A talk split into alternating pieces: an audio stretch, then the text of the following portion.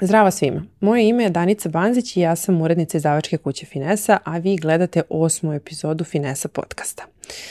U ovoj epizodi nam je gošća autorka knjige Sreća kao razvoj svesti Jasmina Stojanović. Njena knjiga sama po sebi je veoma, veoma zanimljiva, veoma kompleksna, složena, slojevita, a u globalu poziva na transformaciju. I s tim u vezi ja sam se trudila da je navedem na to da podeli sa nama e, što veći broj svojih uvida koje sam ja pronašla kao predivne iz njene knjige, kao da kažem bukvalno takve, transformišuće. Pa smo pričali o tome kako, to jest pričali smo o tome kako zapravo bolest napušta telo onda kada ne može da nas prepozna jer složit ćete se da često govorimo o tome kada bolest dolazi, ali ona ima, opet kažem, jedan potpuno drugačiji pristup gde zapravo poziva na to hajde da pričamo kada nas napušta bolest. Pored toga pričamo o teoriji mnogih svetova, o značaju a, osjećanja, jel tako, o značaju svesnosti, šta je svesnost, ne na onom plastičnom nivou toga da sam svesna sada da je ovde ova čaša, nego na jednom veoma zanimljivom i nama generalno veoma važnom nivou, nama kao ljudi ljudima. Isto govorimo i o traumi, pa također da, pričali smo isto o svesnom partnerstvu.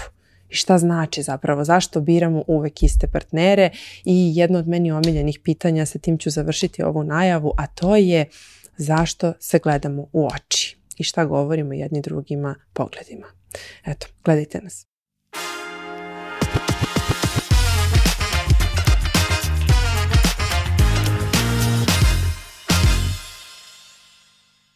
Jasmina, danas mm, više smo puta u prilici bili svimi da čujemo kako kada bolest dolazi, kada odemo od sebe, kada prosto sebe zapostavljamo u svim mm. mogućim oblicima, ne samo u smislu toga kako se hranimo ili kakav nam je fizički život, koliko smo aktivni, nego isto na tom i emocionalnom, psihološkom nivou.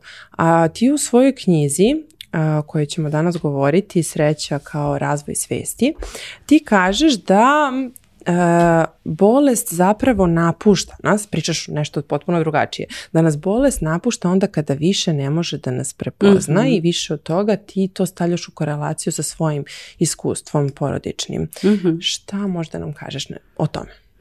Pa e, mi smo nekako i navikli kad smo mali, e, a to mislim da je slučaj sa svima, e, da nas onda svi nekako Teto što svi vodi računa o nama kad smo bolesni. Čim ona dobijemo mm temperaturu, mama, tata, baka, svi se nekako usmere na nas i navikli smo da u stvari tada dobijemo najviše pažnje. I dešava se da se mi kasnije i razboljevamo kada ne možemo drugačije da komuniciramo sa spolješnjim svijetom. Ne znači, ne znači da su ljudi bolesni da bi dobili više pažnje, ali čak i to može da bude slučaj, da se ljudi mhm. jednostavno razboljevaju i da na taj način komuniciraju sa okolinom kada ne mogu da kažu ono što im je potrebno. Ako nam je potrebno odmora, onda se mi razbolimo da bismo mogli da kažemo da nešto ne možemo da radimo.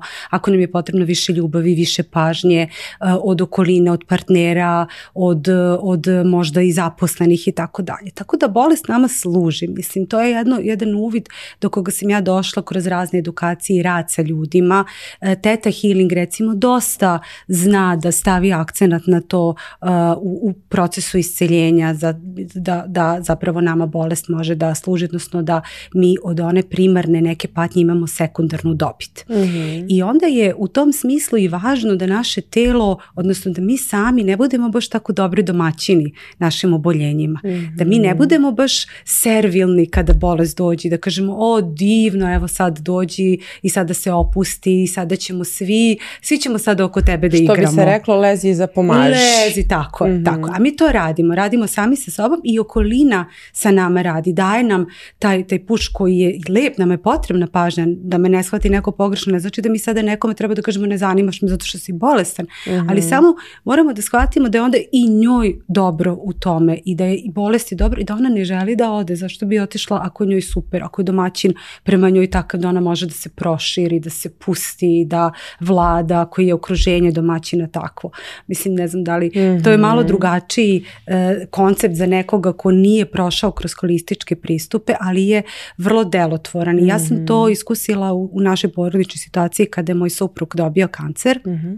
I, ovaj, I kada sam ja bila prvo u iskušenju da postanem odjedno medicinska sestra i da svi sad odjedno postanemo e, medicinski e, radnici oko njega i njegova mama i rodbina i tako dalje i setila sam se onda na svu sreću, prošla sam kroz te brojne edukacije, setila sam se da se onda ona neće, da ona neće otići, njoj će biti super, mislim, on je dobio kancer i e, ovaj... Jezika, ali tako? Jeste, kancer mhm. jezika, to, to je onako bilo dosta izazovno jer od njega mhm. tražila apsolutnu transformaciju i ja sam onda sa njim se dogovorila, srećem on je tada već počeo malo i da me sluša, iako je ranije bio rigidan i onda smo se dogovorila, sam rekla ok, e, mi nećemo sada da učinimo bolesti da bude udobno u našem domu i mhm. nećemo joj dozvoliti da se ona proširuje i da ona se ovdje osjeća kao kraljica, ti si za nas zdrav čovek, ti za sebe budi zdrav čovek i ona će vremenom otići, ali ona traži da se ti potpuno izmeniš. Znači svaka bolest, svaka e, promjena u nama i na nama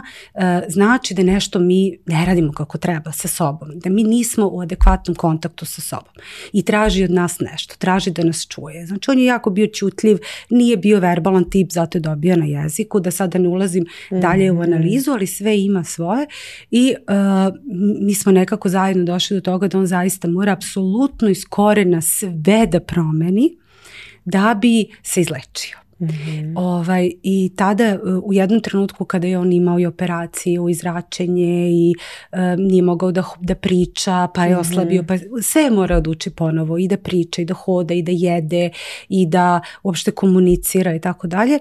Ovaj, ja sam tada imala taj uvid koji je i meni bio zastrašujući i rekla sam sigurno me niko ko je tako teško bolesta neće automatski prihvatiti, ali sam njemu rekla e, to je zaista veličanstveno oboljenje. Ono od tebe traži da se svaka ćelija u tvom telu promeni. Ne sme ništa da ostane isto. Ti ne možeš više da budeš ista osoba, ti moraš da budeš potpuno druga osoba da bi se stvarno iscelio.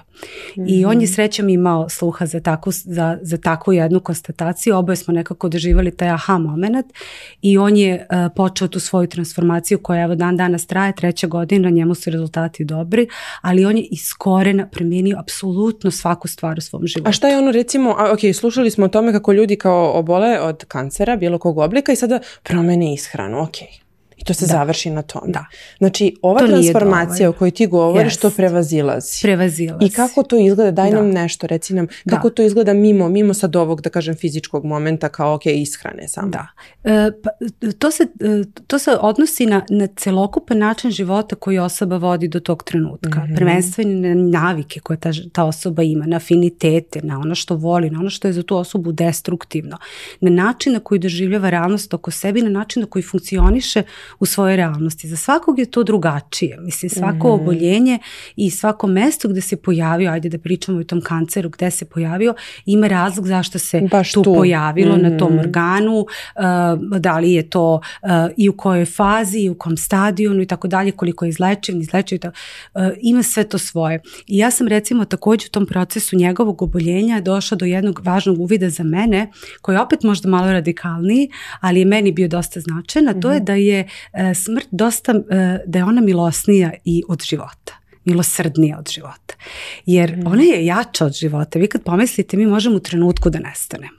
Znate, mi mhm. sutra možemo nešto da se dogodi, neka mhm. saobraćena nesreća ili nešto. Sad zamislite da neko da dođe i da kaže e, evo ti da ti zakuca i da kaže ali imaš šansu da promeniš evo ti imaš, znači jeste, kancer je smrtonosno oboljenje, ali ti i dalje imaš šansu da u svom životu napraviš neke druge izbore i odluke i da to promeniš i da nastaviš sa svojim životom.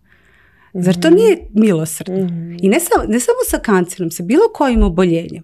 Da li je to lipom, da li je to e, astma, da li je to alergija. Znači sve ono što nam deluje da je neizlečivo i u stvari šansa da mi promenimo naš život.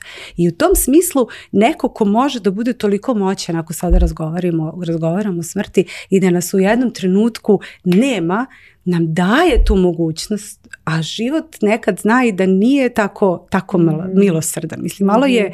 malo je možda za nekoga heavy da shvati, ali za mene nije. Ja sam nekako to tako prihvatila i u tom kontekstu dalje razmišljam i u tom kontekstu dalje sam nekako postala s njom i drugarica i te šanse koje se događaju shvatam i, i gledam i smatram da svako treba tako da pogleda da bi promenio nešto u svom životu. Nije to konačno. A, dobro, sada ovo smo, ovome smo govorili na individualnom mhm. planu, ali također ti govoriš u svojoj knjizi o transformisanju odnosa za koje kažeš nemojte bežati iz njih, mhm.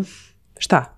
Uh, e, transformiš, transformišite ih. Pa eto, to je recimo jedan, jedan slučaj baš mog odnosa sa, sa mojim suprugom gdje smo mhm. mi mogli da se u nekoliko situacija potpuno raziđemo i da više nikakve odnose nemamo jedno sa drugim.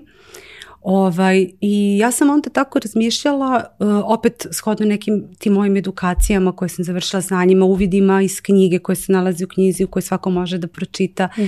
Ja sam razmišljala, ok, ali šta smo mi u stvari stvarno uradili? Ja sam, na primjer, ako izađem iz tog samoodnosa sa njim E, što sam je stvarno radila, osim što sam možda promijenila stan, promijenila, neko promijeni grad, neko promijeni posao, e, možda nemamo više kontakta, možda, možda vidi dete vikendom, e, Znači, što se stvarno onda tu kvalitativno promijenilo za mene, a možda ću ja za šest mjeseci naći novog ili on će naći novo, mi ćemo ponoviti istu stvar, istu priču. Znači, za mene je bilo važno pitanje, jesam li ja nešto u tom odnosu stvarno naučila, jesam ja stvarno izašla iz tog odnosa ili sam samo pobegla. Ali nije stvar ni u partnerstvu, stvar je i, u, i na poslu, u kolegama. Da li mi kad promenimo posao, izađemo iz firme i odemo u drugu? Smo li mi stvarno nešto uradili ili smo mi samo pobegli iz jednog mesta, pomerili se s jednog mesta na drugo, ali bez duboke transformacije onoga šta mi u stvari unosimo u te prostore. I da li mi, kako mi u stvari to ko kreiramo. to mene je to bukvalno bilo... kao neko horizontalno kretanje, a ono čemu ti govoriš Vertika. jeste vertikalno.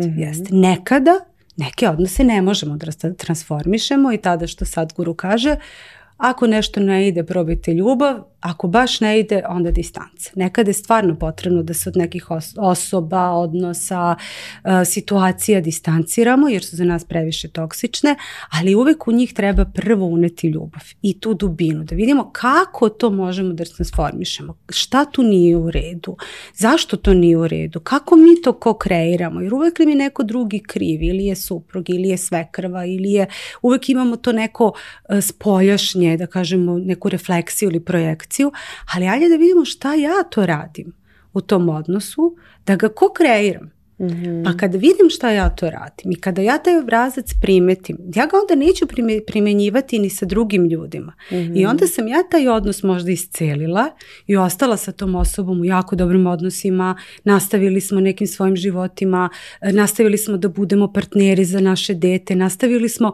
da gajimo poštovanje i ljubav i da i ona kao naša čerka sada raste u jednoj sreći i zadovoljstvu, nismo postali neprijatelji svako na svojoj strani pa da ponavljamo te obrazce i vidjet ćemo šta će dalje biti. Mislim, ja to tako se trudim da te stvari primenjujem i u drugim sferama, ako baš ne ide distanca.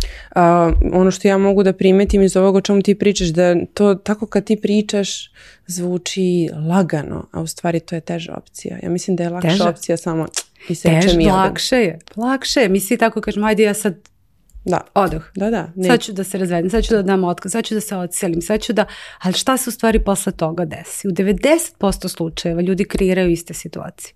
I onda idu iz partnerstva u partnerstvo iz partnerstva ili s posla na posao i tako dalje i tako dalje. I nikada se ne osvrnu i kažu ajde šta sam ja sada uradio. Mhm. um, E, također u knjizi pominješ e, jednog fizičara, jel tako, koji je kreirao tu teoriju mnogih svetova, gdje zapravo ti stavljaš u jedan lep kontekst koji je razumljiv svima to kako e, u svakom trenutku postoji beskrajan broj mogućnosti, je tako, kako naša realnost može da se oblikuje. Tako je, tako je. E, šta onda određuje zapravo našu realnost prema tvom mišljenju? Ok, ja znam da u ovom trenutku postoji mnogo mogućnosti, jel tako? Mm. Ali šta je, šta je zapravo oblikuje? Da, to je bilo pitanje koje mene nagnalo da razmišljam o tome zašto ja živim realnost koju živim, zbog čega, kako to se sada odlučuje. Ja sam onda krenula u istraživanju Tu postoji dosta teorija, ne možemo sada, nisam ja mhm. e, da kažemo neki stručan gdje ja mogu da kažem je to je, ali recimo jedna teorija koju je dao Hugh Evere treći, je da uh, svijest utiče na kreiranje naše realnosti. Znači da ono u što mi unosimo našu svesnost to postaje naša realnost. Znači to mhm. je jedna od teorija i zato je meni bilo zanimljivo da, uh, u nije bilo zanimljivo, zato se knjiga sama rodila iz svih tih nekih istraživanja e, što naučnih, što duhovnih, e, iz raznih krugova i sve je nekako dolazilo na tu svest, na, mhm. na našu svijest i na našu svesnost i da je to zapravo kao komandni centar iz koga mi možemo da vršimo dubinske promene i trajne promene.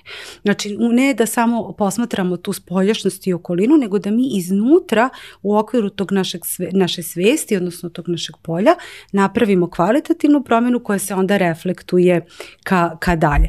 Onda recimo e, e, s druge strane je e, ovaj, jedan profesor matematike sa Oxforda Penrose, on ima drugu teoriju, da je zapravo realnost postaje ona mogućnost za koju je nama potrebno najmanje energije. Mm-hmm. Znači od svega onoga što postoji mi ne možemo da održimo sve te mogućnosti i čitav taj spektar svetova koji postoji, ali ona za koju nam je potrebno najmanje energije, ona postaje naša realnost. Šta to znači? To znači da ako mi želimo da napravimo neku promenu, nam je potrebno više energije.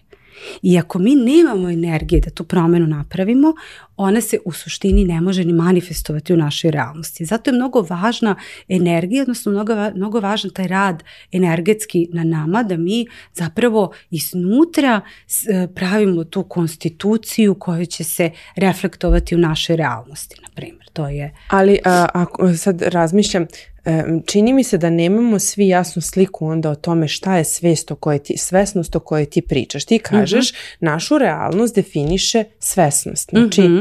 što negde kad ti plastično ovako posmatraš kaš pa da ok ja svesno biram sada da sedim ovdje sa tobom i da vodim ovaj razgovor logično je. Ali u stvari ona svesnost o kojoj ti govoriš je upravo ovo što si sad pomenula uh, da li smo, znači mi zapravo ne, ne mislimo na onu svesnost u smislu fokusa pažnje sada u datom momentu. Mi mislimo na jednu širu svesnost, jel tako? Da, svesnost, snost znači sve. Sve.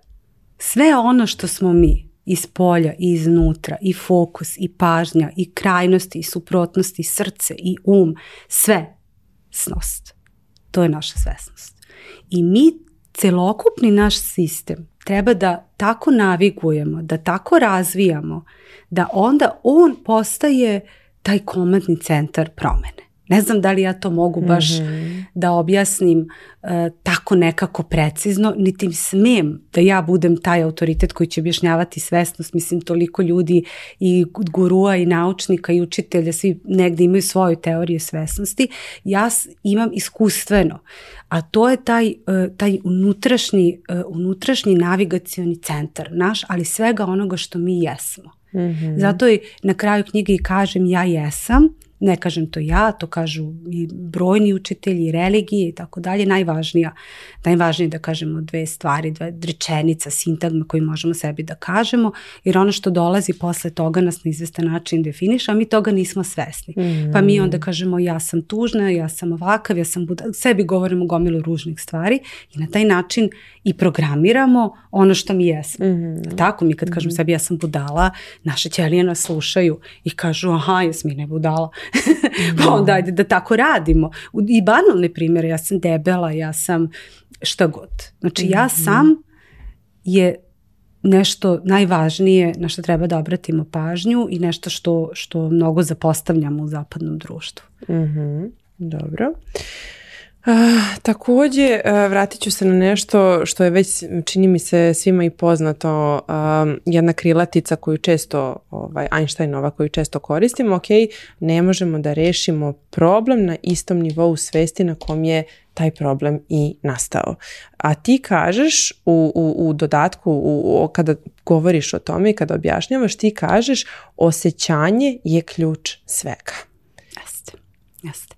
E, to je opet došlo posljedica ne, kao nek, posljedica istraživanja raznih, jer mm je onda ako sam, kada sam došla do toga, aha, znači naša svijest kreira našu realnost, da bismo kreirali drugačiju realnost potrebno nam je više energije, e, mhm. da bismo imali više energije, onda moramo da uradimo nešto drugo za nas, to znači moramo da pokrenemo i promenimo naš sistem.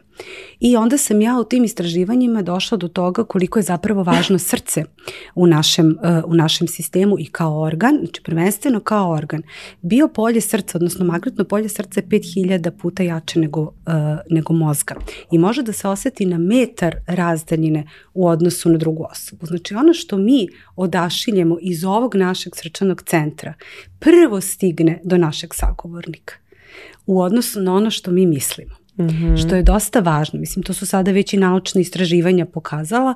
Ovo, ovaj, ja bih volila da sam tako inteligentna i, sveznalica, sam sve, sve to mogla sama da smislim, ali nisam. Tako da ako neko želi Dobro, može da... U, u najmanju da. ruku si učiteljica. Ja te sad tako doživljavam. Pa za Boga ni same učiteljice se nisu rađale sa pa znanjima i teorijama, nego su ih negde naučile.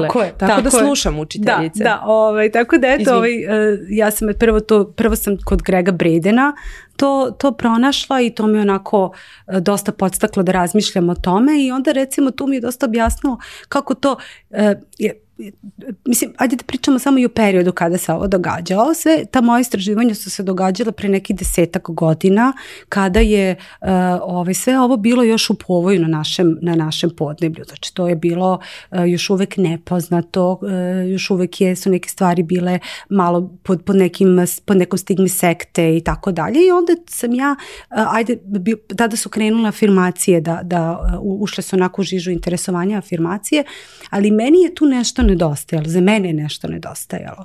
Pa sam onda krenula dalje da istražujem, pa sam došla do toga da afirmacije ne, ne mogu da deluju ako su naša uvjerenja toliko duboka a suprotno onome što mi želimo da afirmišemo. Mhm. Pa sam onda došla do toga da onda me svako pitao, pošto sam ja tada bila na toj funkciji urednice, sad svako pitao, pa dobro, kao, valjda ja sebi mislim najbolje, kao pa mi se to ne događa. Pa sam i ja počela da razmišljam, ok, ako mi stvarno sebi mislimo najbolje, a to, nas, to nam se ne događa, događaju nam se nekad i neke najstrašnije stvari, zašto se onda to događa? Pa sam onda shvatila da taj strah koji mi zapravo osjećam u ovom srčanom centru, ovaj, e, ima veći utjecaj od onoga što mi mislimo. Zašto? Pa, e, onda sam krenula da istražujem, pa sam mhm. onda došla do toga do koliko je zapravo srčani centar i to magnetno polje srca jako i važno i zašto onda ta osjećanja postaju ključ. Znači, Greg Braden također kaže da e, osjećanja kao što su uh, razumijevanje, zahvalnost, osjećanje, šalju signal mozgu i srca. To je, to je mali, to je 0,1 herca, ali on je dovoljan da se napravi koherencija između srca i mozga.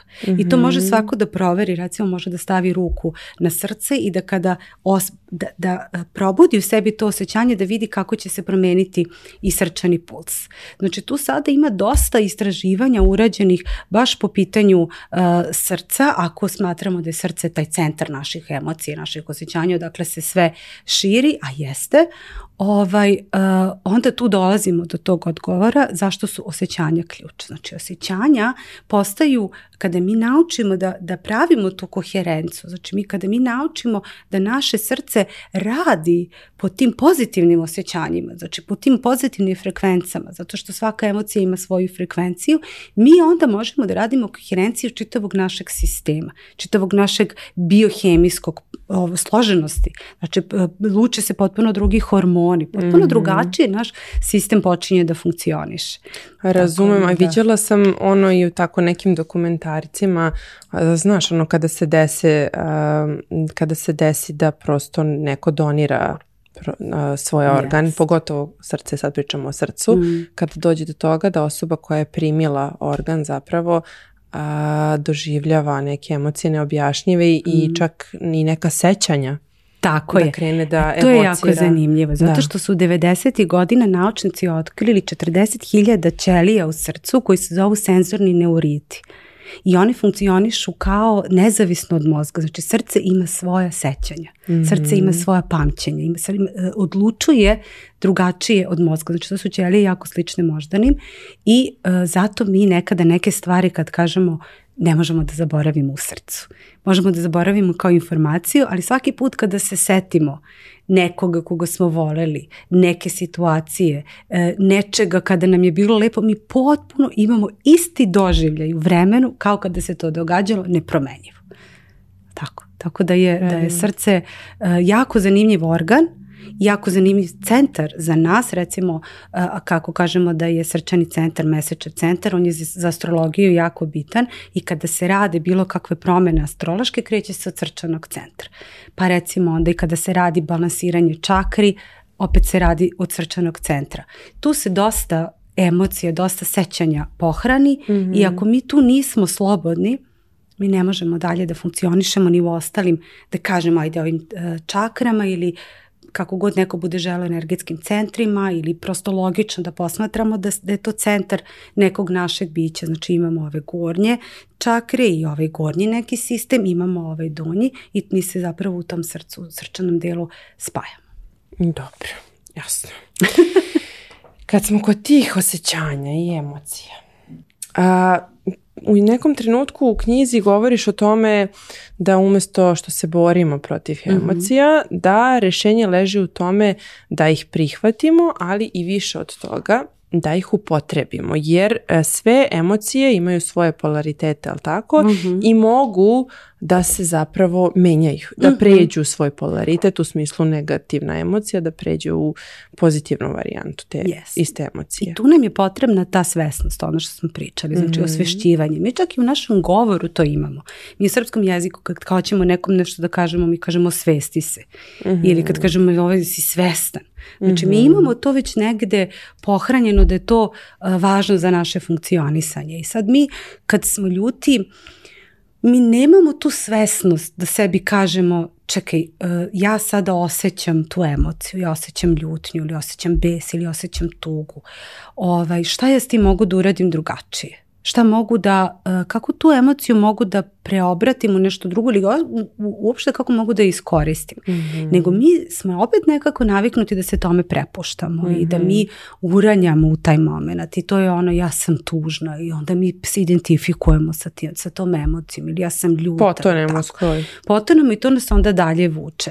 I onda mi zapravo pravimo sebi e, sada da, da, da ne ulazimo u, opet u fiziku, ali ko bude želeo imamo im sjajan intervju sa, sa doktorom fizike s Deslavom Hrepić na našem sajtu www.vremeza.com gde on objašnjava taj proces samoindukcije. znači kako mi sami sebi kreiramo to polje negativnosti u kome nastavljamo da obitavamo. Znači mi e, dobijemo jednu negativnu informaciju, ali mi onda nastavljamo da pravimo tim procesom samoindukcije i dalje to generišemo negativno polje koje počinje onda da nas melje.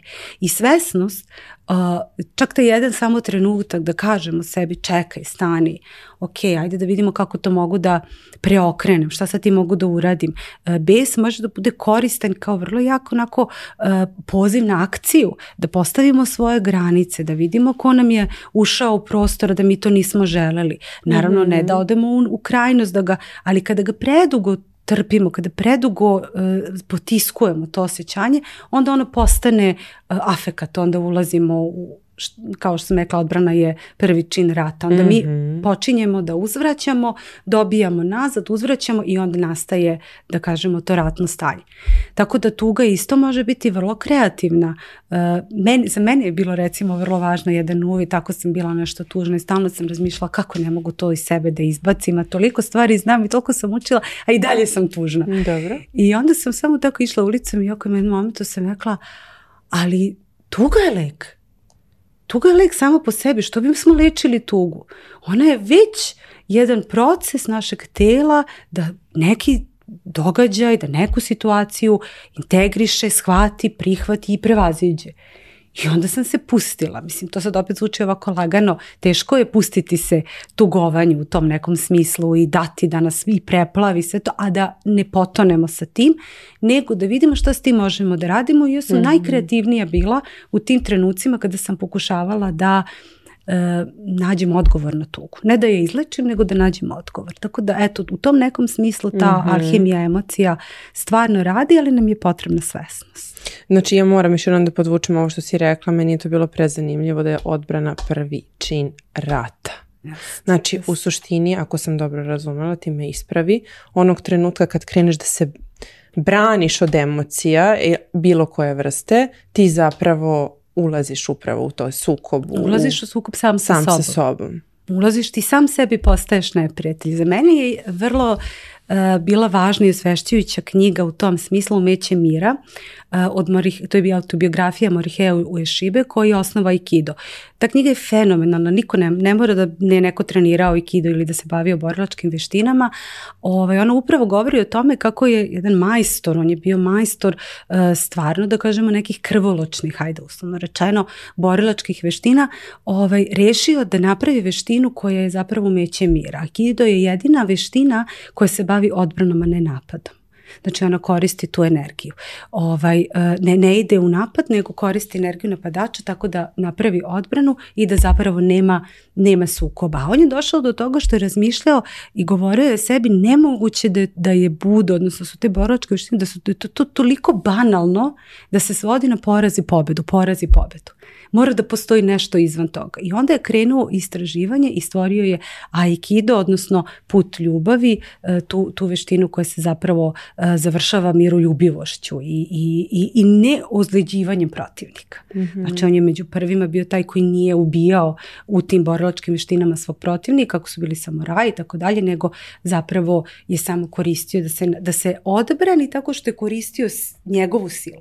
Kao što i mi onda možemo s našim emocijama kada do dođe, da naučimo da je koristimo za nešto drugo u činu ljubavi što možemo da uradimo.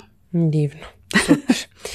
e sada, uh, u poslednje vrijeme, mislim, baš je u trendu govoriti o traumi i stvarno s razlogom u smislu osvestili smo to, progovorili, mada mnogi psiholozi, psihijatri, psihoterapeuti danas svedoče o tome da se sama reč trauma zloupotrebljava i da mm. danas etiketiramo svašta nešto lepimo, trauma, trauma, trauma. Međutim, ono što je potpuno netipično je da ti upravo kažeš trauma je narcistička, a mm. zapravo lek dolazi Empatija sa dolazi empatijom. sa isceljenjem. Tako to. je.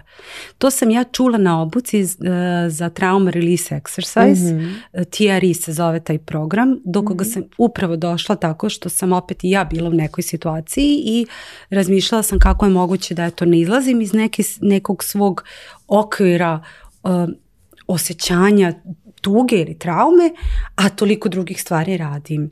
I ovaj i onda sam upoznala Saru Zoricu Mitić koja kod nas radi TRI, koja mi je pokazala te vežbe. I doživjela sam ono, aha, moment, kao wow, zato što sam tada na, na telu osjetila koliko je važno da se trauma zapravo radi kroz telo. Jer šta se desi? Naše telo se zarobi u toj traumi. Nama trauma zarobi čula. Zarobi nas u tom momentu kada je nastala. I mi nastavljamo tako stegnuti, tako u toj jednoj kao kapsuli da funkcionišemo kroz telo. Naše telo nastavlja da nam stalno, da nas stalno doživljava tu vrstu trauma. Zašto kažemo da je narcistička? Zato što mi onda nemamo osjećaj empatije za druge ljude. Mi ne doživljavamo drugi svet e, zato što su naša čukla zarobljena na nekom drugom mestu. I mi ne živimo u realnosti. I onda mi nemamo možda ni adekvatnu empatiju prema nekom drugom. Empatija dolazi sa isceljenjem i prema sebi. E sad, e, nije to u smislu nacistička sada da neko samo ima i toga zlopotrebljava traumu, koliko je narcistička u smislu da mi ne možemo da živimo u sadašnjem trenutku adekvatno dok smo zarobljeni telesno u onom događaju, u onom iskustvu koje je naše tijelo prepoznalo kao traumu. To je isto važno. Danas se mnogo priča o traumi kao o događajima. Pa smo onda nekako u društvu naučeni da samo neki događaj koji je društveno prihvatljiv ili merljiv pa je strašan je trauma. A u stvari je vrlo važno eh, adresirati traumu kao individualno iskustvo odgovora tela na neki događaj. Mhm. Ono što je za mene trauma, možda neće biti trauma za tebe i neće biti trauma za nekog drugog. Znači, mi svi imamo jedan izvestan prozor reaktivnosti u okviru koga se kreću naše reakcije. Možda je moj prozor ovoliki, a možda je tvoj ovoliki. Možda ti možeš mnogo više da podneseš nego ja, a možda ja mnogo, mogu mnogo brže da uđem u neku freeze reakciju ako govorimo ono fight, flight or freeze. Znači, to je ono što danas, današnje društvo treba da shvati da mi e, ne možemo da definišemo samo događaj, da kažemo to su traume, nego da moramo da se odnosimo prema nekom iskustvu. Tako da smo mi takođe napravili intervju sa doktorom Stefanom Požesom, ima takođe na, na sajtu www.vremeza.com e, koji upravo o tome govori, govori o važnosti polivagalne teorije sada trenutno za mhm. isceljenje traume i za pristup traumi ove i za adresiranje zapravo naše interpretacije e, onoga što nam se događa. Znači trauma nastaje kada naše telo interpretira neki događaj da je za njega životno ugrožavajući. I mi mislimo da to mora da bude neki ekstreman događaj, ali stvarno ne mora. Nekada e, niz malih nekih hroničnih događaja može da proizvede trajnu traumu na, u našem telu. E, e, to je ono što se ranije zvao mobbing na poslu, kad kažemo neko nas mobbinguje, pa onda kao neko kaže nekome, ma šta kao ti se, šta se ti buniš, ako ja mogu onda možeš i ti i tako dalje, pa se onda žrtve koje su prošle kroz neka iskustva i stide toga, zato se žrtve žrtve traume i stide da pričaju o svojoj traumi jer su stigmatizovane time mm. ako sam mogao ja možeš i ti ili šta je tu toliko strašno. Trauma je jako složena stvar. Ovaj, meni eh, je najbolji odgovor na traumu su dale E, Trauma Release Access, odnosno TRI sistem, zato što radi sa određenim položajima, sa određenim grupama mišića, tela koji prvi reaguju onda kada naš autonomni nervni sistem registruje traumu. To se čak dogodi onda pre nego što, što uključi naš ovaj logični deo da mi izanaliziramo, naš sistem je već nešku informaciju dobio i u odnosu na tu informaciju odreagovao. Ako mi nismo svesni to znači ako nismo u, u skladu sa našim telom, sa našim bićem, ako nismo povezani sa telom, mi nećemo prepoznati da je ono odregistrovalo neko iskustvo kao traumu i nastavit ćemo dalje dok, nas, dok nam se ne vrati kroz oboljenje. Svestan život znači da smo i u kontaktu sa našim telom i da možemo da prepoznamo te njegove reakcije, te pozive ako ne zaboli stomak, ako imamo neko grčenje, ako imamo one žmarce po koži. Znači sve su to situacije u kojima naše telo prima neke signale da li mu nešto prija ili mu ne prija. I mi nekada, ako smo svesni, možemo da prepoznamo i možemo da nastavimo da reagujemo u tom pravcu da kažemo meni ovo više ne prija i da postavimo granicu odmah i u miru i da ne ulazimo dalje ni u kakve odnose koji su nas kasnije postaju toksični. Da. Dobro, divno. E, dolazimo do, rekla sam ti već, moja dva omiljena pitanja, odnosno dva omiljena dela iz tvoje knjige. Ovo prvo je, kaže, imaš čitavo poglavlje koje se zove mm. svesno partnerstvo, zašto biramo mhm. partnere koje biramo. I sad se nadovezujem na ono što si rekla na početku kada si govorila o, transformisanju odnosa i slično, da mi zapravo, ako ne transformišemo odnose nego bežimo iz njih, da mhm. mi zapravo završavamo opet u istim obrazcima ponašanja, ali tako, istim, tako. istim odnosima. E sada, šta je svesno partnerstvo i hmm. zaista zašto biramo uvek iste partnere? Da. Opet ću reći da tu ima mnogo odgovora i da je to pitanje meni navelo da ja istražujem različite teorije mhm. i različite uvide uopšte ljudi koji su takođe postavili pitanje zašto mi biramo neke partnere koje biramo. Tako da ovaj, jedna, od, jedna od teorija jeste da mi zapravo e, osjećamo e, privlačnost prema onim licima koje nas podsjećaju na neke naše rođake. Znači što je, ajde da kažemo, negde logično. Znači da mi zapravo biramo one partnere lica koje su nam poznata. Znači to je mhm. onaj trenutak kada mi kažemo sličnosti se privlače i onda se stvarno privlače zato što mi se u društvu tih osoba osjećamo, osjećamo prijatno. Onda s druge strane postoji teorija koja kaže da, ali su razlike uzbudljivije nego sličnosti. Pa onda kao to su one razlike gde mi postajemo zapravo kao kompatibilne razlike, mhm. pa nas onda to privlači u tom nekom smislu. Pa onda onda kažemo aha, kao zapravo e, različitosti nas ali vremenom e, kada pitanje je zapravo koje, na koje različitosti smo mi spremni da, prihvati, da, da pristanemo, odnosno na koje različitosti mi prihvatamo kod druge osobe da bismo bili kompatibilni. Tako da tu mhm. malo zavisi od tog odnosa. Onda imamo e, da e, ovaj američki psiholog Bernard Murštajn je posmatrao na primjer sklapanje braka iz teorije e, socijalne razmjene.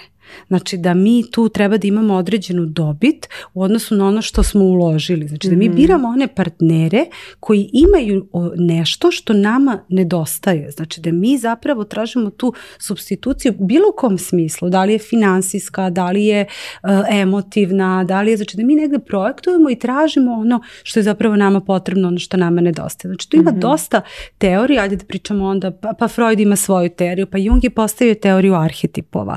Ovaj, ovaj a, e, animusa i anime koji se, nalazi se nalaze. Znači anima se nalazi kod muškarca, animus kod žene, njihove, da kažemo, projekcije formiraju roditelji, majka kod e, muškarca, otac kod žene, pa onda to kada prepoznamo, reagujemo na to i tako dalje i tako dalje. Mislim, ima dosta teorija, mogu da se pronađu u knjizi. I sad, šta sve te teorije opet negde, šta dolazimo kada sve te teorije pročitamo? proučimo, da tako kažemo, dolazimo do tog svesnog partnerstva, odnosno do preuzimanja odgovornosti za odnose koje mi kreiramo. Znači, ne traženja kad ajde popišemo sve s kim smo bili, kako smo bili, koje su njihove sličnosti, koje su razlike, gdje smo se podudarali, gdje smo se razlikovali i tako dalje. I ako ne preuzmemo odgovornost za te odnose, nego opet negdje stavimo po strani i kažemo to nema veze sa mnom, ja ću naći nekog drugog i neku idealizovanu sliku ili neku projekciju, nešto što sam zamislio, velike su šanse da ćemo mi ponoviti taj obrazac. Preuzimanje odgovornosti, odnosno svesno partnerstvo, znači biti potpuno prisutan u onoj situaciji koju smo mi prihvatili, prepoznali i vidjeti šta taj partner nosi za nas, vidjeti kako mi te odnose kreiramo i ko kreiramo, vidjeti šta je za nas tu dobro ili loše, transformisati ako možemo da transformišemo, najbolju moguću, najbolji mogući odnos kreirati, ali prepoznavati u tom nekom smislu i razvijati se. Znači mi ne možemo, ako mi vidimo da se mi u nekom partnerstvu ne razvijamo, u nekom odnosu, on za nas nije plodonosan. Možda nije ni potrebno više u njemu biti, ali da vidimo kako ćemo iz njega izaći. Znači svesnost, znači to sagledavanje, preuzimanje odgovornosti i rad. Možda čak ajde najviše iz mog, opet kažem iz mog iskustva. Rad na tome da se nešto oplemeni. Ajde da ne mm. kažemo ni promeni, ali oplemeni.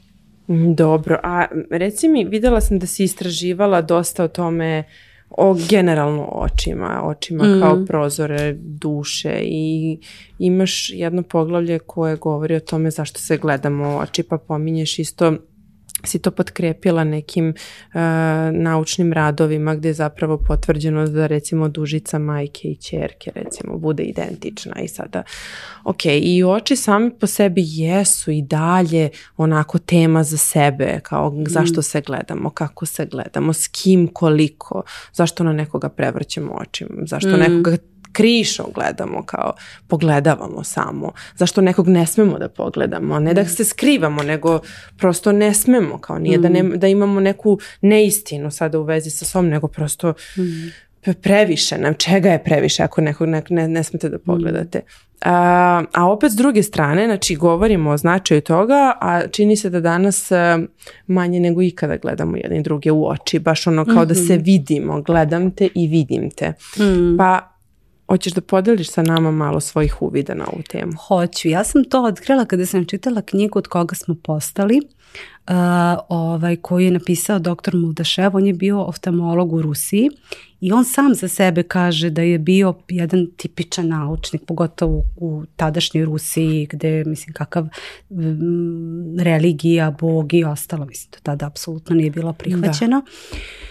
I on je zapravo kroz, e, kroz svoje preglede koje je radio sa pacijentima u jednom trenutku uočio da je dužica oka ista kod majke kod čerke i e, za njega je to bilo pitanje kako je to moguće ako su one različitih uzrasta, različite da kažemo telesne građe i tako dalje. Onda je krenuo dalje da istražuje i došao je do toga da je ta dužica oka kao jedna apsolutna vrednost u našem organizmu, znači da je ona e, ista. I onda je to za njega značilo sljedeće pitanje. Šta to znači? Kako to dalje može da se posmatra? I on je krenuo da istražuje oči e, kroz kontinente, kroz narode, e, da ne upoređuje. E, čak i došao i do toga da je razvio rekonstrukciju lica na osnovu naših očiju i na osnovu dužice oka. Znači da potpuno može da se rekonstruiše celo lice.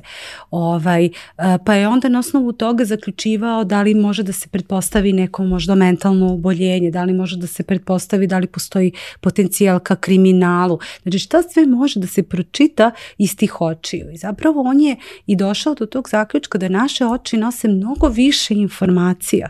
Znači naše oči nose e, dodatne informacije o nama i o nekom drugom kada ga gledamo u oči. Znači naše oči postaju onda automatski skener stanja te druge osobe, prima informacije o toj drugoj osobi i daje nama kako mi prema toj drugoj osobi da, da nastupimo. I zato nama nekada nije prijatno da se gledamo sa Jer nekim Jer se u suštini na neki način ogolimo. I Tako znači ako nemam poverenja, ako ne želim, ako sam uplašena ili prosto nije već važan razlog, ja zato ne, ne ulazim u tu vrstu odnosa u smislu komunikacije očima. Tako je, ali to je tvoj motiv. Neko možda ima neki drugi motiv. Mhm. Neko možda postoji, možda postoje eh, neke tendencije ka nekim mentalnim oboljenjima, pa nam prosto nije prijatno da nekoga gledamo, neko možda ima neki, neku kriminalnu strukturu ličnosti, pa prosto, znači naše telo A mi to takođe... možemo da, tim, e, ono što je. hoćeš da mi kažeš, da o, naučnik naše, si pom, pomila, mi očitavamo tako to. Je. Iako na svesnom nivou... Tako je, Aha, tako je, tako pa je. Znači, naš, naš organizam, naše telo, opet, to telo je toliko fenomenalan mehanizam koji mi uopšte ne shvatamo. Ne poznajemo dovoljno. Ne poznajemo dovoljno. Znači naše telo dobija kroz oči dodatne informacije o sredini u kojoj se nalazimo, o sagovorniku koji je ispred nas, koji nam daje i daje komande tom nekom našem sistemu kako da odreaguje, da li postoji opasnost ili ne. Ali naravno vidi se i neke druge stvari, pa zato kažem oči su ogledalo duše, znači tu negde možemo da vidimo ovaj, da znamo. Recimo to je meni bilo zanimljivo, ja sam onda tu knjigu čitala, pa sam onda dalje istraživala, pa sam onda i upoznala eh, jednog oftalmologa iz Singapura sa kojim sam baš razgovarala o psihofizici vida, znači tačno postoji sada je kao, ajde kažemo, grana nauke, gde eh, se dolazi do toga da naš vid počinje da se menja u zavisnosti od toga šta naša svest želi ili ne želi svest, biće, duša, ko kako hoće da nazove. Razum. Znači ako, e, i to se, to se često događa kod dece, najpre možemo da vidimo kod dece, kasnije do, ima i neke i biološke stvari, mada ja sada sve posmatram tako holistički sa tim nekim dubljim značenjem, zato što sam iz iskustva videla i potvrdilo mi se da jeste tačno, ali kod dece recimo ako dolazi do nesuglasice između roditelja koje čak ni oni možda opet šta je trauma sad? Ako neko smatra, ako se neko tuče, onda je to problem u braku. Nije samo to problem u braku. Deca imaju direktno iskustvo. Znači, mi nemamo tako direktno iskustvo kao deca. Deca slušaju nas, naš glas i oni čuju da li je naš glas buka ili je umilan. Nije mhm. važno šta mi govorimo, njima je važan taj tonalitet. Znači opet da kažem, ako deca, na primjer, ako postoje nesuglasica u braku, e, može da se dogodi da se naglo javi kratkovidost, znači kada, kada počinje dete da se zatvara, ne želi da vidi, ne želi da svedoči toj situaciji i onda se skraćuje to da kažemo vidno polje. Znači prosto e, ili da se, da se, da se naglo javi dioptrija. Mislim, e, to, ja sam radila sa, sa, sa raznim ljudima i, bavila sam se i sama e, coachingom i terapijama i e, stvarno se kroz iskustvo pojavilo da je to apsolutno tačno. Znači naš fit počinje da se mijenja u zavisnosti od toga kako e, mi reagujemo na našu, na našu situaciju, a isto tako može da se poboljša. Znači, ljudi koji su se bavili holističkim pristupom životu, koji su prolazili kroz razne terapije, su uspevali da modifikuju svoj vid i da ga poboljšaju promjenom svesti i promjenom uverenja i promjenom toga kako doživljavaju svoju realnost.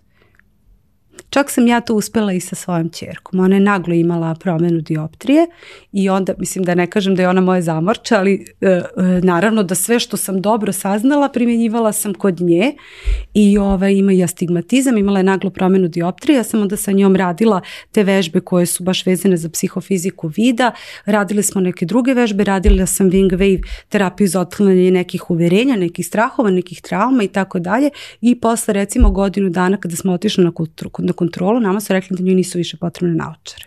U stvari su nam rekli da nju uopšte nisu potrebne naočare. I ona je prestala da nosi naočare samo od sebe. Mislim, stvarno se, hoću da kažem, e, sve ono što ja pričam i što se nalazi u knjizi je zaista proživljeno do srži. Ja nisam do teoretičar strane. do koske. Nisam teoretičar. Pa zar, iskustva nisu iznačajnija? Ali da. Da. Barem meni, ja više verujem u iskustvu nego da mm. mi sad neko priča o tome u teoriji kako nešto izgleda, ali kad čujem... I recimo sam vid, evo da se samo to vratim, to mi isto bilo zanimljivo, e, e, sam, sam vid se nekada koristi i kao sistem videti u, smislu znati, odnosno ajde da kažemo, e, pošto sam ja završila grčki jezik i književnosti, kad sam bila na fakultetu svi znamo, znam da ništa ne znam od mm Sokrata, ali na grčkom to znači, to glasi en ida u juden ida, a gla, e, glagol ida je nekada značio e, znati, a ne vid. Kasnije je dobio, kroz evoluciju jezika je dobio značenje videti. Tako da tu negde u nekoj uh, istoriji jezika mi pronalazimo podudarnosti, malo je kompleksnije, nemamo dovoljno vremena, ali naći će se u knjizi, imam tačno taj navedeni primjer, mi nalazimo podudarnosti da videti znači znati. Znači kada nešto vidimo, kada smo spremni da vidimo, da uđemo u apsolutno neko izvesno iskustvo, mi smo spremni nešto i da saznamo. Čak se i u Bibliji na grčkom spominje idu kao pogledaj, ali to isto u trenutku znači pogledaj, vidi, saznaj u tom nekom smislu.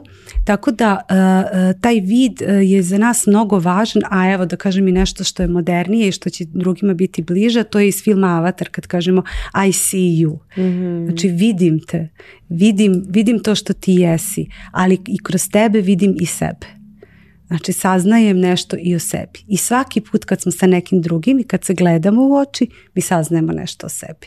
Ili kad se ne gledamo. Da, i kad se ne gledamo, saznajemo svašta o sebi. Više o sebi nego o drugim. Dobro, i a, e, htjela sam još da te pitam kako da razlikujemo, to je ono o čemu ti pričaš, mhm. da prepoznamo glas svoje duše. Šta je onda glas svoje duše, a šta bi bio glas naše guma? Čini mi se da to je kao rumoring, kao čujemo često u glavi, mhm. to je naš um. I često možda više nije toliko naš glas koliko je glas nekih ljudi iz našeg okruženja, važnih drugih iz iz našeg perioda odrastanja i čujem, ja često čujem mamu i tetku, da, svašta nešto one kažu. Da, to u kada čuješ kritiku, čiji glas čuješ da to da, izgovara. Da, to je tako je, tako je. Mogu i da zamislim i facu tog glasa, sve, grimase. A opet ti govoriš o glasu svoje duše. E, tu sam ja malo mm zanemela i rekla sam, ok, postiću tebe da mi ti kažeš to ovako lice u lice. Da. čemu e, na, to pitanje je meni u knjizi postoji intervju sa Anitom Murđani. Anita Murđani odgovorila e, da je glas uma glas straha, a da je glas duše glas ljubavi.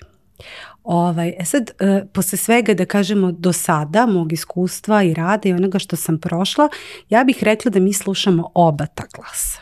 Znači da mi ne treba da slušamo samo jedan, jer e, mislim da glavni problem u svemu dolazi onoga trenutka kada mi samo jednom polaritetu, bilo kom, da, damo primat. Da, a čini mi se da svako je prošao kroz to. Tako je. I sada mi samo ako slušamo taj glas razuma, kako god ga mi prepoznavali, da li je kritika, da li je strah, da li je sumnja, recimo neko kaže nauka je, e, nauka se vodi sumnjom, a vera se vodi ljubavlju, pa onda možemo da kažemo da je taj um koji se vodi sumnjom, a naše srce ljubavlju ili verom. Ovaj, to sve možemo da tako teoretišemo, ali šta je, opet se ja vraćam na tu svest, šta se definiše recimo neki mudri ljudi i učeni od mene su definisali svijest kao spoj suprotnost Znači naša svijest je spoj svih onih suprotnosti u nama koje funkcionišu onda koherentno, u harmoniji. Znači ja isto tako sada smatram da treba harmonično slušamo obe stvari, da su obe stvari važne za nas, da um ima nešto da nam kaže, da sumnja ima svoje mesto, da kritika ima svoje mesto, da strah ima svoje mesto i da su nam potrebni i da stid ima svoje mesto. Što sada kažu svi, vratite stid u modu, potreba nam je. Znači kada nemamo stid, mi nemamo tu e, preddefiniciju, definiciju i kulture ponašanja. Znači, onda je sve postaje dozvoljeno i sve postaje primereno, a možda i nije sve dozvoljeno i sve primereno. S druge strane, kada previše slušamo srce, mi moramo mnogo dobro i da ga upoznamo. Mislim, evo sad, baš skoro sam, e, sa, sarađujem sa, sa jednom naš, Slovenkom koja je jako dugo živala e, u, plemenu Joruba u Nigeriji, kažemo da je afrička šamanka i ona, ona, e, ona kaže e, intuicija nekad može da nas vodi u destrukciju na primjer. Mi nikada tako ne razmišljamo. Sada slušamo sa svih strana, slušajte svoju intuiciju, slušajte svoju intuiciju. Međutim, baš u, afričkom šamanizmu postoji fenomen koji se zove abiku. Dosta je komplikovan, da sada ne dužimo previše o tome, mogu da potraže, Mateja se zove Akenjen, abiku je fenomen koji se događa, e, kod, kod, e, javlja se kod ljudi koji dođu na ovaj svet, ali su i dalje povezani sa spiritualnim svetom i e, njih intuicije vodi u destrukciju da bi što pre napustili ovaj svet koji mi Aha, poznajemo. Mhm. I onda su njihova e, intuitivna delovanja, impulsivna delovanja zapravo za njih autodestruktivna primjer, to se jako malo priča, a to zaista može da se dogodi. Imam, e, ima ljudi iz prakse Što koji onda za njih stvarno jeste neka vrsta katarze, nešto o čemu oni slede, ali Tako kada mi razmišljamo o životu, ovom ovde kom je dat, koji ne treba da ćerdamo tek tako, mi kažemo čekaj. Tako. E tu onda treba da dođe taj um i da nam kaže čekaj, stani. E, da li je taj tamo negde taj svet zaista toliko bolji? Ili je ovaj život na zemlji raj, što kaže Anita Murđani, e, zemlja, život na zemlji je raj. Znači mi to ne vidimo. Mi stalno imamo ideju o nečemu drugom. Kao što imamo ideju o tome da kada budemo imali nešto bit ćemo srećni, pa neko možda ima ideju kada bude bio u nekom drugom svetu i univerzumu bit će nešto drugo. A onda nam je taj, tam, taj um i taj razum nam je važan i koristan jer nas postavi i kaže ajde da vidimo koje su to uverenja, ajde da istražujemo tu intuiciju ili, ili destrukciju. Tako da e, u mom sistemu sada treba slušati e, oba i tražiti tu, tu harmoniju, tražiti tu koherencu, odnosno e, raditi na toj izgradnji svijesti i tom, tom jednom, onda imamo te širi i dobijamo tu širu sliku. A, boga mi, Jasmina, da ti kažem nešto. Moje sljedeće pitanja dva su onako leksikonska gdje je kao malo, eto čisto da završimo, zaokružimo. I sad jedno od njih je kao šta čita, šta čita Jasmina Stojanovića. Ja sad razmišljam, čovječe, prvo moram se vratim na snimak da popišem sve ove knjige koje si citirala i koje želim da, zapravo, jer to je mi bila ideja, kao daj mi ideju šta da, čitam i manje više se uvek podudara. Mislim, provlače se jedne iste knjige. Mhm. Ali ti si ovde već izlistala toliko knjiga koje ću morati ono otprilike da vratim da, da popišem i da i stvarno si učiteljica, kako god želiš, guru, šamanka, ti si naša beogradska šamanka. Ja sam messenger. Messenger, jel da? ja sam prenosnik. O, I u knjizi sam napisala, e, to sam u jednom filmu videla, mnogo mi se dopala. E, ja sam prizma kroz koji se prelama svetlost i, i daje lepotu. Mislim da mi je to nekako baš lep opis. Jest. Da, da, da možeš da i to da budeš. Da, ali ajde da kažemo da sam messenger. A, evo za kraj, ajde bar da zaokružimo ovim da ko je ovakvu ličnost kao što si ti inspirisao ove nedelje? Ko, neko, nešto? Jel postoji nešto što te ganulo ove nedelje?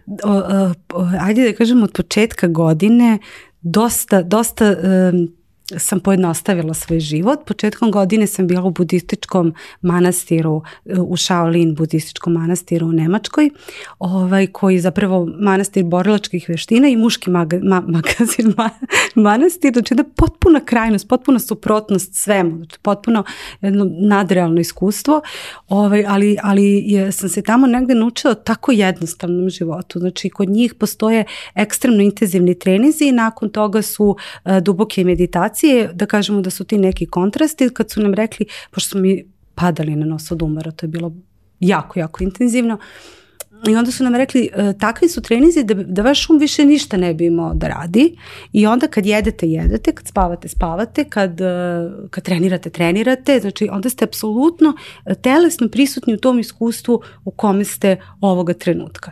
I pošto je to bilo stvarno intenzivno iskustvo, ja tad kad sam se vratila primećujem da mnogo, mnogo jednostavnije živim. Čak se sada kad pogledam knjigu i sve što sam ja pisala sam u fazonu, bože da pisala i, ovaj, i stvarno mi inspirišu male stvari, zato hoću da kažem tako jednostavne stvari me inspirišu da sam potpuno fascinirana kako do toga dolazi, jer ja nisam baš jednostavan tip, ja stalno hoću još i stalno i htela sam ranije i više i stalno me sve interesovalo i tako dalje.